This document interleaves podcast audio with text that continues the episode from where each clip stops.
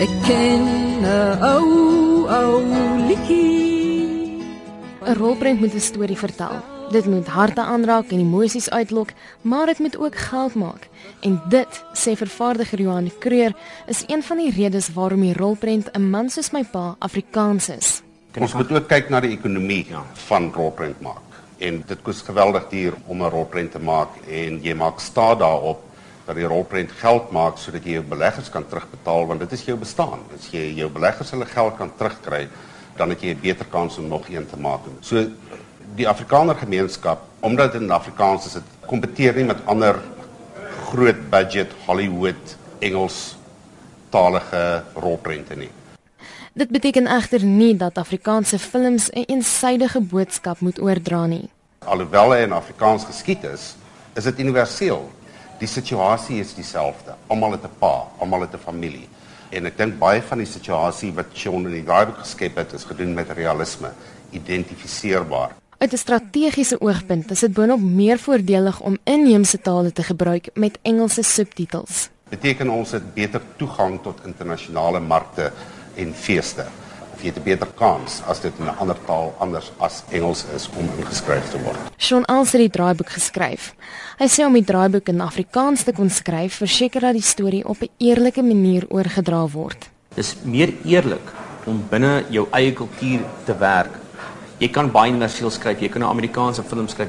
Jy's nie vasgebonde tot 'n sekere ding nie, maar veral vir hierdie film wat nogal vir ons almal 'n persoonlike ervaring was en is uh, was dit belangrik om daai detail in te bring. Van die temas wat in die rolprent voorkom, sluit alkoholmisbruik en huishoudelike geweld in.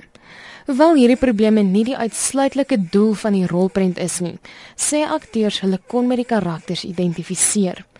Niels van Jaarsveld speel die rol van 'n jong pa in die verlede tyd wat 'n alkolikus word. Ek dink mense het miskien al 'n bietjie van 'n miskonsepsie met mense wat te veel drink en alkoholisme en so voort. Ek praat nou maar uit experience uit. Jy weet ek self 'n bietjie gesukkel met dit, baie gesukkel met dit, maar kom dan nou wel oorkom, maar dis maar 'n daily battle. So ek dink nie dis regtig iets wat jy as mens soveel kan beheer nie. Jy weet as jy weer sien as jy in 'n in 'n dilemma waar jy die hele tyd net smag na drank en so. En ek dink met hierdie spesifieke karakter het hy het maar net nooit gedink hy het 'n probleem nie, jy weet. Aan die einde mense wil nou maar refleksie sien, jy weet, het, het almal maar hulle probleme wat hulle optel deur die lewe en ek dink almal het tot 'n mate 'n verslawing aan iets. Jy moet dit eintlik net leer om dit beter te beheer.